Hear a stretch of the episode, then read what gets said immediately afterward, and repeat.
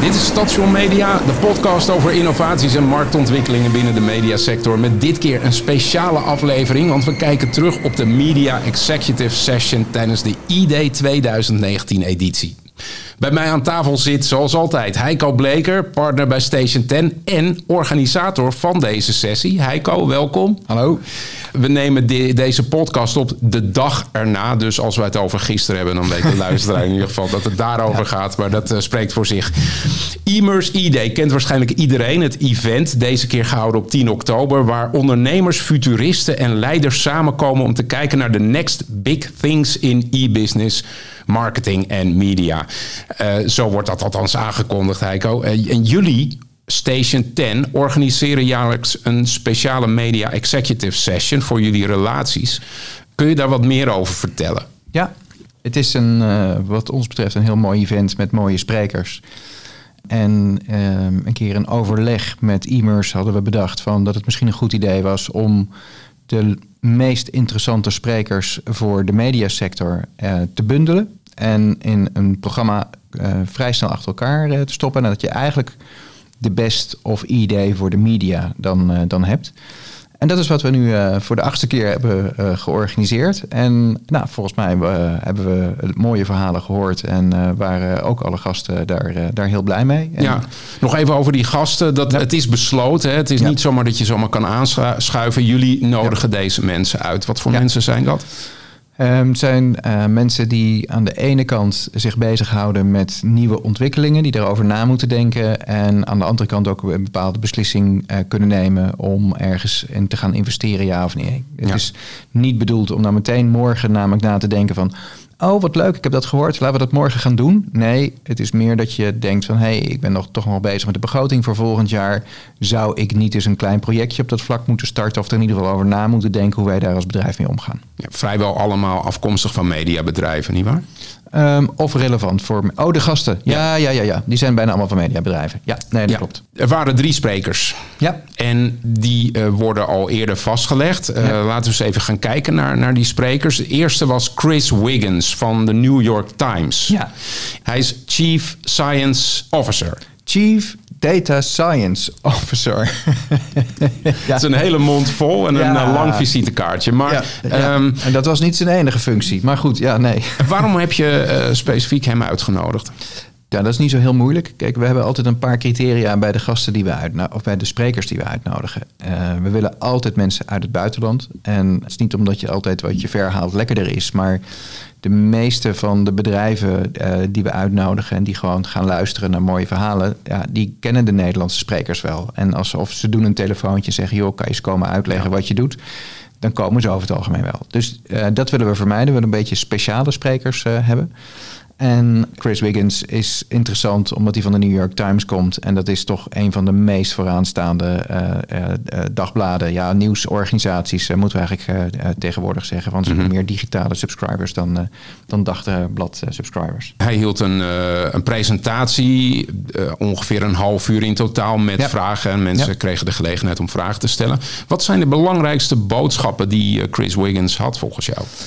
Hij heeft heel veel verteld in korte tijd. Dus ik heb er een paar dingen uitgehaald. Want ik had deze vraag natuurlijk wel van jou eh, eh, verwacht. Hè? Wat, wat, wat, wat, ver- wat vertelde hij nou? Wat is me opgevallen?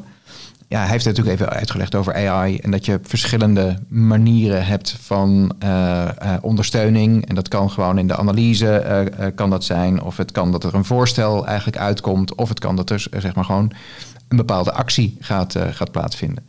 Ehm, en even concreet, als een bepaalde actie gaat, eh, eh, een voorstel zou zijn eh, van, van analyse. Gewoon mensen kijken vooral naar dit soort dingen. Dus je en ehm, mensen die dat artikel lezen, kijken ook naar dit soort dingen. Dus als redacteur zou je hier een van deze dingen kunnen kiezen om daar een link naartoe te maken.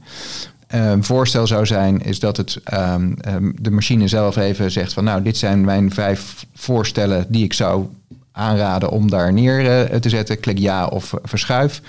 En je kan het ook helemaal aan de machine overlaten. En die neemt zelf de beslissing dat hij, dit, eh, dat hij dan na dat artikel deze vijf eh, tips gaat, gaat geven. Ja. Nou, dat liet hij even goed zien. Maar wat ik heel interessant vond, is dat hij in het. Want het meest interessante is als de machine echt dingen gaat overnemen. En dat zij, wat voor mij echt nieuw was, op een andere manier naar hun algoritmes en een bundeling kijken. zij voegen daar emotie aan toe. Een bepaalde stemming.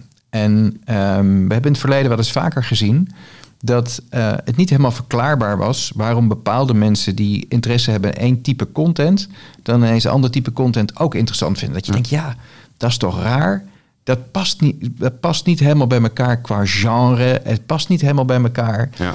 Qua lengte. Of, maar je, dat je gewoon allemaal zit te kijken en denkt van ja. Je krijgt je vinger er niet achter. Ja, en ineens dacht ik van, ah, ik zou toch nog wel eens een paar dingen terug willen kijken. Van als je het nou op emotie gooit. Of een beetje state of mind. En dat ik dacht, nou, dat vond ik in ieder geval heel interessant uh, dat zij dat gebruiken. En dat ze daarmee zien dat ze enorm veel meer, zeg maar, dat, uh, dat mensen veel meer artikelen bekijken als dit uh, mechanisme gebruikt wordt. Dan als je gewoon ziet van, nou, laten we maar op basis van mensen die dat bekeken, vonden dit interessant. Nee, mm -hmm. mensen die die emotie hadden vonden dit interessant. Dus dat, nou, dat was voor mij een, uh, toch een, een eye-opener. Ja.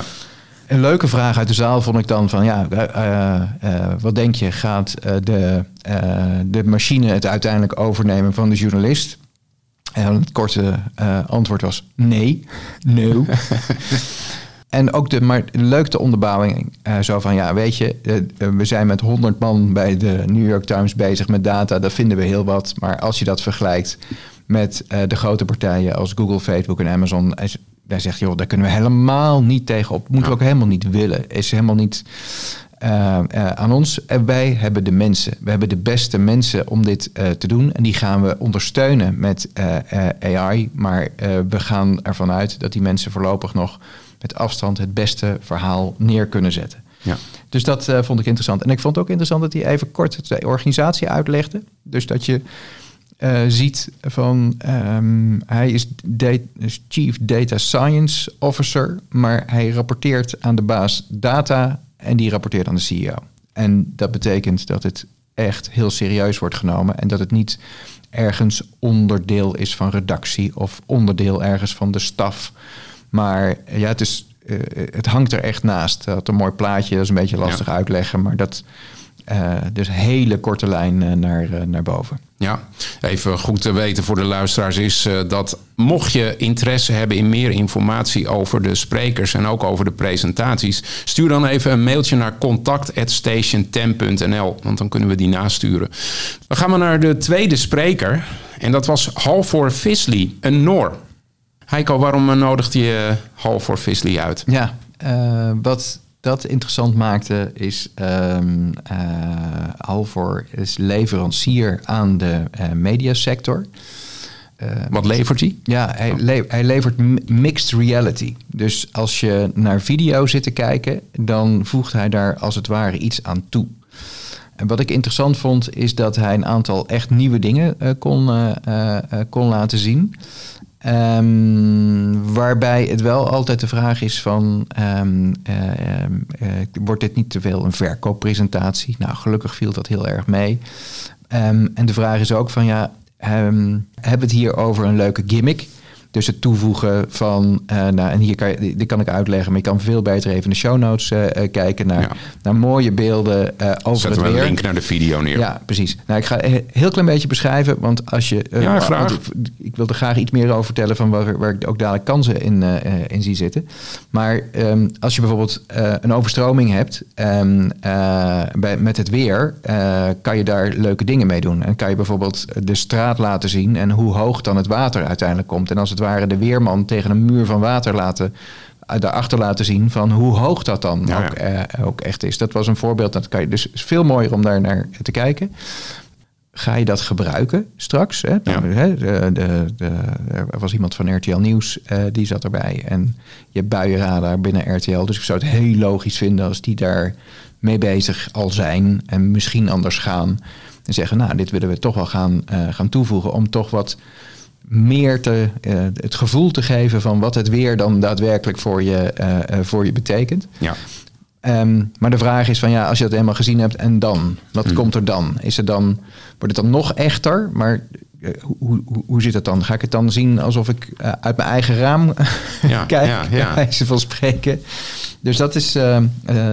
maar de, de reden om hem uit te nodigen is dat hij wel echt nieuwe technologie te brengen had. Ja. En, en ook veel schwung in, in de zaal bracht, toch? Met zijn dynamiek, met zijn energie. Nou ja, en dat is ook wel leuk, want daarvoor met Chris Wiggins was uh, super. Uh, maar dat is een, ook professor, veel academischer, ja. uh, applied mathematics. Dus dat is meer een wiskundige. Die het ook wel met zijn flair bracht. Maar dit was echt dit was het beste, dit was de beste verkoper. Ja, een, een mooie mix tot nu toe. We gaan heel even luisteren naar Halvar, want we hadden nog drie vragen na afloop. De eerste vraag die we hem stelden was: wat zou je doen met een miljoen? Haha, in my company, of course.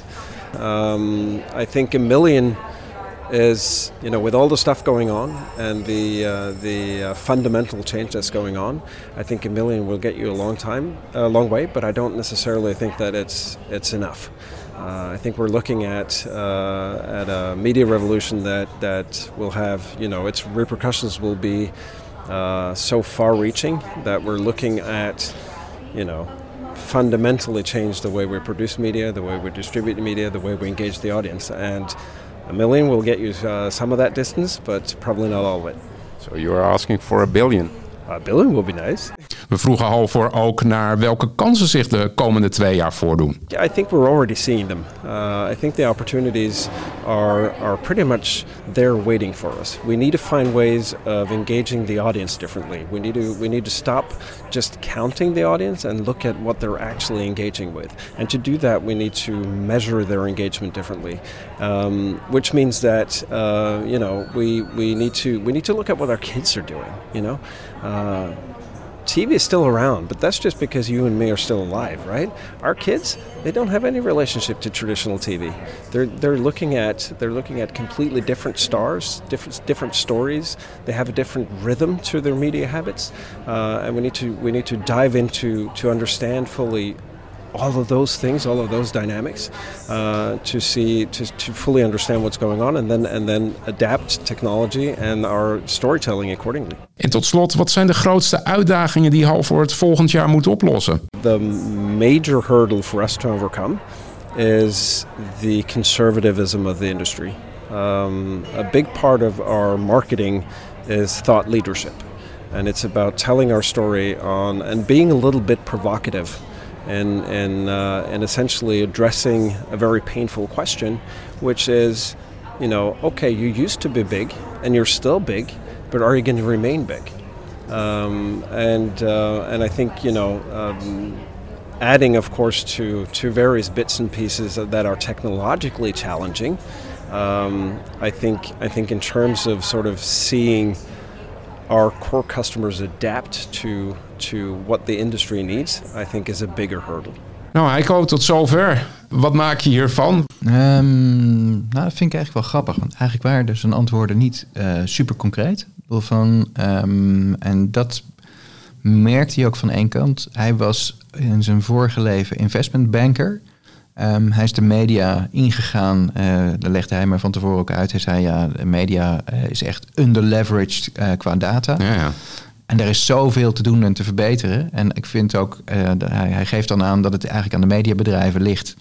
Dat het allemaal niet zo opschiet en dat dat de grootste uitdaging is. En, uh, en daarvan denk ik af en toe van, ja, weet je, het is makkelijk. Uh, ik bedoel van, als je de, de kennis van binnen hebt, zo, zo, eenvoudig is het allemaal niet om het uh, allemaal zomaar uh, te veranderen. Want Weet jij inmiddels met 20 jaar ervaring. ja, precies.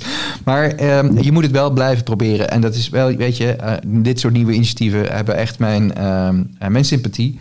Het is wel de vraag of het een blijvertje is. Dan de derde spreekster. Ik hoop dat ik de naam goed uitspreek. Pamela Pavlicek. Uh, heb ik gezegd. Maar nou, jouw pols is duidelijk beter tenminste. Ze nam steeds op met Pamela, dus ik ben vergeten te vragen hoe ik haar achternaam uitsprak. ja, waarom heb je haar uitgenodigd? Het idee was van, we hebben nu twee verhalen waarbij uh, AI eigenlijk wordt gebruikt. En ik ben op zoek naar een beetje een tegengeluid. dat AI ja, dat is allemaal hartstikke mooi. Maar bij de New York Times uh, gebruikt men het om veel meer gepersonaliseerde uh, informatie te geven. En jou zo lang mogelijk op de site uh, te laten zitten. Terwijl dat misschien helemaal niet zo. Ja, weet je, dat is ook een beetje een, een, een de, de negatieve kant. Wat mensen uh, veel te veel tijd op een telefoon doorbrengen en maar blijven zitten. Omdat de apparaten steeds beter beginnen te snappen hoe ons gedrag in elkaar uh, zit. Mm -hmm. Hetzelfde geldt voor het verhaal over zeg maar de, de, de, mixed reality. Um, we krijgen ineens beelden van, de, die er heel echt uitzien. En zeg maar de uh, waar we het niet over gehad hebben, maar waar de negatieve kant is van het verhaal van uh, Halvor Visley, is van de software kan ook gebruikt worden voor um, deepfaking. Ja, je kunt ernstig manipuleren met alle beelden. precies, ja. En wil van, blijkt wel, moet ik wel om lachen, van natuurlijk, waar wordt het nou in eerste instantie voor gebruikt? 95% van de deepfake video's die gevonden zijn, um, zijn porno gerelateerd. Dus daar kan je dan gezichten van anderen, andere mensen opplakken. En dan, nou ja, dan kan je daarvan genieten. Maar uh, nou, uh, dat is niet zo leuk voor die mensen die dat uh, hebben. Maar nou ja, zeker met de Amerikaanse verkiezingen opkomst en nou ja, dat het makkelijker wordt om dat soort video's te maken. Dus er zit een hele negatieve kant ook aan de technologie. Dat ik zoiets had van, joh, laten we nou eens iemand uitnodigen die veel meer op de menselijke kant gaat zitten. En dat is wat Pamela mee bezig is. Maar ook daar zat toch wel een spooky kant aan. Maar daar zullen we dadelijk even op ingaan. Ja, dan mag je nu op ingaan. Nou, oké. ja. ja. Nou, want dus ik dacht van, nou, we gaan iemand die gaat over. Uh, zij is de specialist in Emotional Artificial Intelligence Design. Um, uh, vakgebied wat ze zelf heeft uitgevonden. Maar daarom is ook er meteen wel ook echt de specialisten uh, mm -hmm. erin. Um, en wat vooral wat je ziet is van... Ja, het gaat in eerste instantie ook om het um, beter meten van onze emotie. Dus het kan zijn dat we op een bepaalde manier... bijvoorbeeld uh, een tekst schrijven. Nou, en dat kan dat gaat tegenwoordig al best wel redelijk. Um, hoe heet het ook alweer? Dat je zeg maar de, het senti de sentimentanalyse. Hè? Ja. kan je gewoon uh, op basis van de tekst kan je dat doen. Um, maar op het moment als er ook beeld bij komt en geluid bij komt, dan kan je veel beter al die emotie gaan om gaan zetten in wat voor een soort emotie horen ja. we uit die stem of zien we dat die persoon heeft. En toch ben ik wel geschrokken hoe ver daar bedrijven al in zijn of wat ze allemaal doen. Ik wist bijvoorbeeld niet dat op het moment dat ik op mijn telefoon op een bepaalde manier typ, dat ook de pressure die ik daarop uitoefen. Ik ben agressief en ja, je ja. hoort mij nu typen. Dat zelfs dat toch als zodanig geïnterpreteerd Precies. wordt. Dus uh, uh, en het tempo waarin en dat dus dat eigenlijk men al veel verder is met het meten van jouw emotie. En daar dus ook wat mee gaat uh, doen. En misschien wel de advertenties op aan gaat passen. En dat ik denk van zo. Ja. Um, dus dat.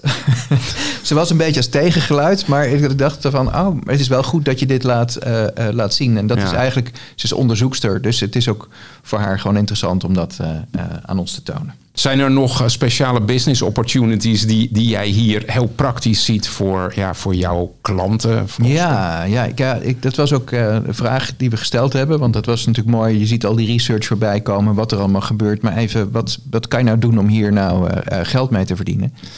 Um, en toch wel is die opportunity vooral om um, kijken of je beter de emotie van iemand kan meten, zodat je weet in wat voor stemming die is, zodat je hem de betere content kan gaan aanbieden. Um, en of dat nou voor, uh, of je nou uh, bij wijze van spreken een videoplatform hebt, is toch wel fijn als je weet van oké, okay, dit is de emotie, dan zijn dit soort video's ja. uh, van toepassing. Ja. In plaats van dat ik gewoon op basis van wat ik vorige week heb Precies. bekeken ineens een lijstje krijg. Dus dat, uh, maar een voorbeeld. En hetzelfde geldt natuurlijk voor nieuws. Uh, zeg maar een Spotify-lijst zou daarop op ingericht kunnen zijn. Ja, alles om, om de klanten van jouw klanten weer beter te kunnen servicen en beter te kunnen targeten. Ja, ja, ja. We hebben ook aan Pamela gevraagd wat ze zou doen met 1 miljoen. I think right now most of the interesting work is being done in the mental health space. So helping people understand their own emotions, people who are um, in trouble in therapy. I feel like that's where I would put my, my money. En welke kansen ziet Pamela in de komende twee jaar? I think we're going to see in the next two years this technology get more mature and more companies will be using it. It'll be embedded in a lot of the tools that we already have. So, Can you give an example? I think it will be pretty pervasive. So any analytics you have, I feel like this tool will be embedded, just like sentiment analysis was a few years ago. This is going to be sort of the next wave of it, and all of our personal technology too, in our phones, in our smart home devices. So it will be widely available, and um, it's you know, it will be there'll be some good aspects of it and some bad too. En als laatste, wat zijn de grootste uitdagingen die je hebt het volgend jaar? I think, I mean, there's a few different challenges. One big one is just getting the technology to work really well. I think nobody has solved that. I think the second challenge is training data. So, training data has been kind of limited. Some of the best systems are being really conscientious in training on a very diverse data set, which is really important when we're talking about something as near and dear to us as emotion. So, those are more immediate challenges. I think the next big challenge is to move to a different, more complex model of emotion so that these will work a little bit better. Because what's worse than having your emotions exposed is having your emotions sort of wrongly labeling you in all kinds of ways. Pamela heeft het uh, nadrukkelijk over technologie. Dat die verder ontwikkeld moet worden. Ja, precies. ja. Um, als je Pamela zo hoort, wat valt jou op? Um, nou, dat viel me eigenlijk ook op. Dat, kijk, ze is researcher, ze observeert wat er gebeurt in de wereld. En dat die ontwikkeling eigenlijk er vooral op gericht is om AI nog beter ons te laten begrijpen. Nog beter op ons aan te laten sluiten. Ken je de film Her? Nee. Wat is dat voor film? Ja, moet je echt, echt kijken. uh, Link voor, in de show notes. Ja, nou, het was voor een Oscar genomineerd een paar jaar geleden. Het gaat erom, en dat geloof je niet, dat... Maar het wordt zo goed gedaan dat je het wel gelooft in de film. Um, dat iemand koopt een nieuw besturingssysteem en, um, en wordt verliefd op zijn besturingssysteem. Omdat het zo ontzettend goed kan inleven en zo warm met je meeleeft. En de stem van Cameron Diaz helpt natuurlijk ook erbij. Maar um, het is precies die interactie die je, waar je eigenlijk naar op zoek bent. Het is gewoon het, het perfecte maatje ja. uh, zit, uh, zit daarin.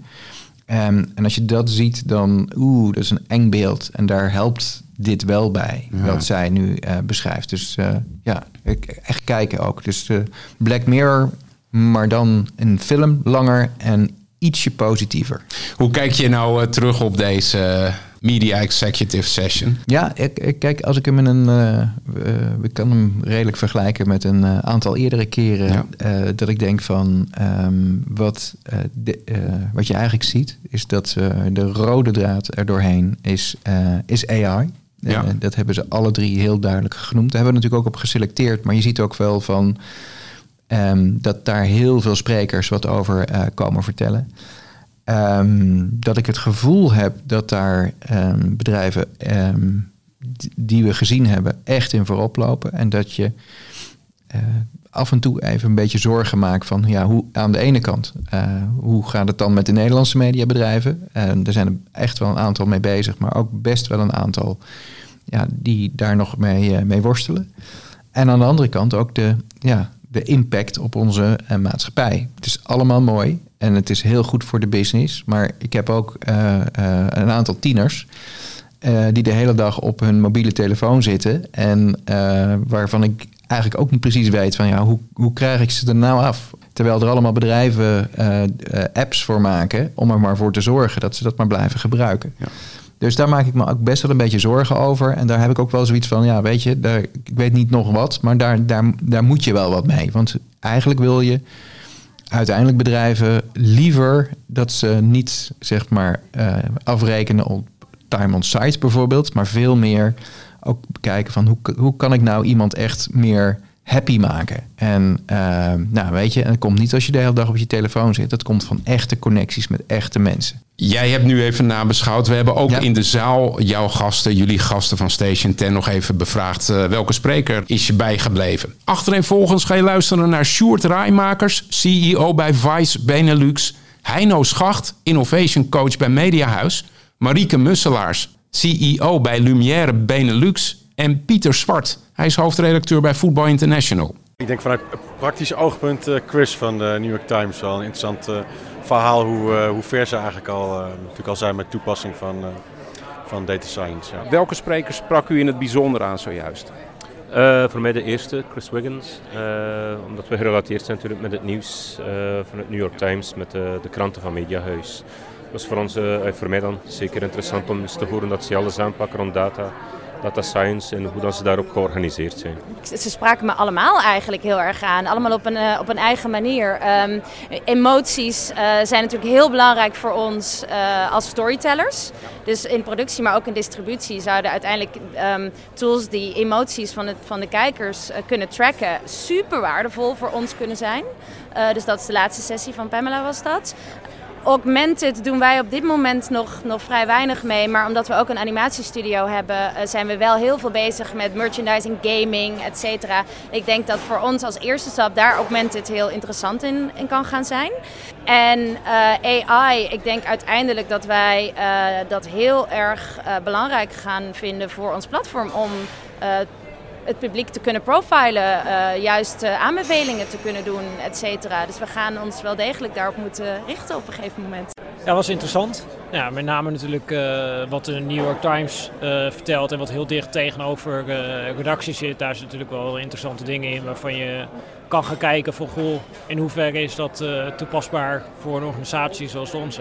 Omdat het dat het dichtste zit zeg maar, bij waar wij direct iets mee kunnen die andere dingen, dat is natuurlijk uh, toekomstperspectief en nieuwe technologieën. Alleen met nieuwe technologieën is natuurlijk ook altijd zo dat de aanloopversie die, nou ja, kost geld en tijd. Uh, en nou ja, geld en tijd is niet per se een luxe goed voor ons. Dus je kijkt vooral naar dingen hey, die al ver genoeg zijn om direct rendement op te kunnen leveren. En wat dat betreft was dat New York Times verhaal wat mij betreft de meest interessante. Tot zover uh, reacties uit de zaal. Wij zijn alweer aan het eind gekomen van uh, deze Station Media. Maar ja, natuurlijk niet voordat ik je heb gevraagd. Uh, Heiko, komt er ook een editie 2020? Um, ja, ik denk dat er een, e- zeker een editie 2020 komt van ID. Ja, nee, maar ik bedoel natuurlijk uh, jouw uh, ja, sessie. En dat is ook altijd even de vraag. Hè. We hebben de samenwerking met e-mers. En we moeten altijd even kijken van, uh, vinden we dat Snap allebei ik. nog... maar onder die voorwaarden dat we het allebei nog steeds een goed idee vinden. En ik denk dat, het, dat wij dat ook in ieder geval nog steeds een goed idee vinden. Mm -hmm. um, vind ik dat heel leuk om weer te gaan doen. Ja. Um, en de prangende vraag is natuurlijk, wat is je wensenlijst? AI was, was nu de hoofdmoot. Waar, waar kijk je volgend jaar naar uit? Um, nou, eigenlijk kijk ik er naar uit om het ook wat meer met uh, onze uh, gasten die komen luisteren samen te stellen. Dus oh, wow. zijn even samen te kijken van joh, uh, wat, wat zou je nou willen? En dat is ook, nou in ieder geval, we, gaan we ook aan een aantal mensen vragen van waar, zou je volgend jaar nou extra voor, voor willen komen? Ja. Maar dat is moeilijk, een jaar vooruit. Dus we moeten ook gewoon kijken van wat er in de tussentijd gebeurt.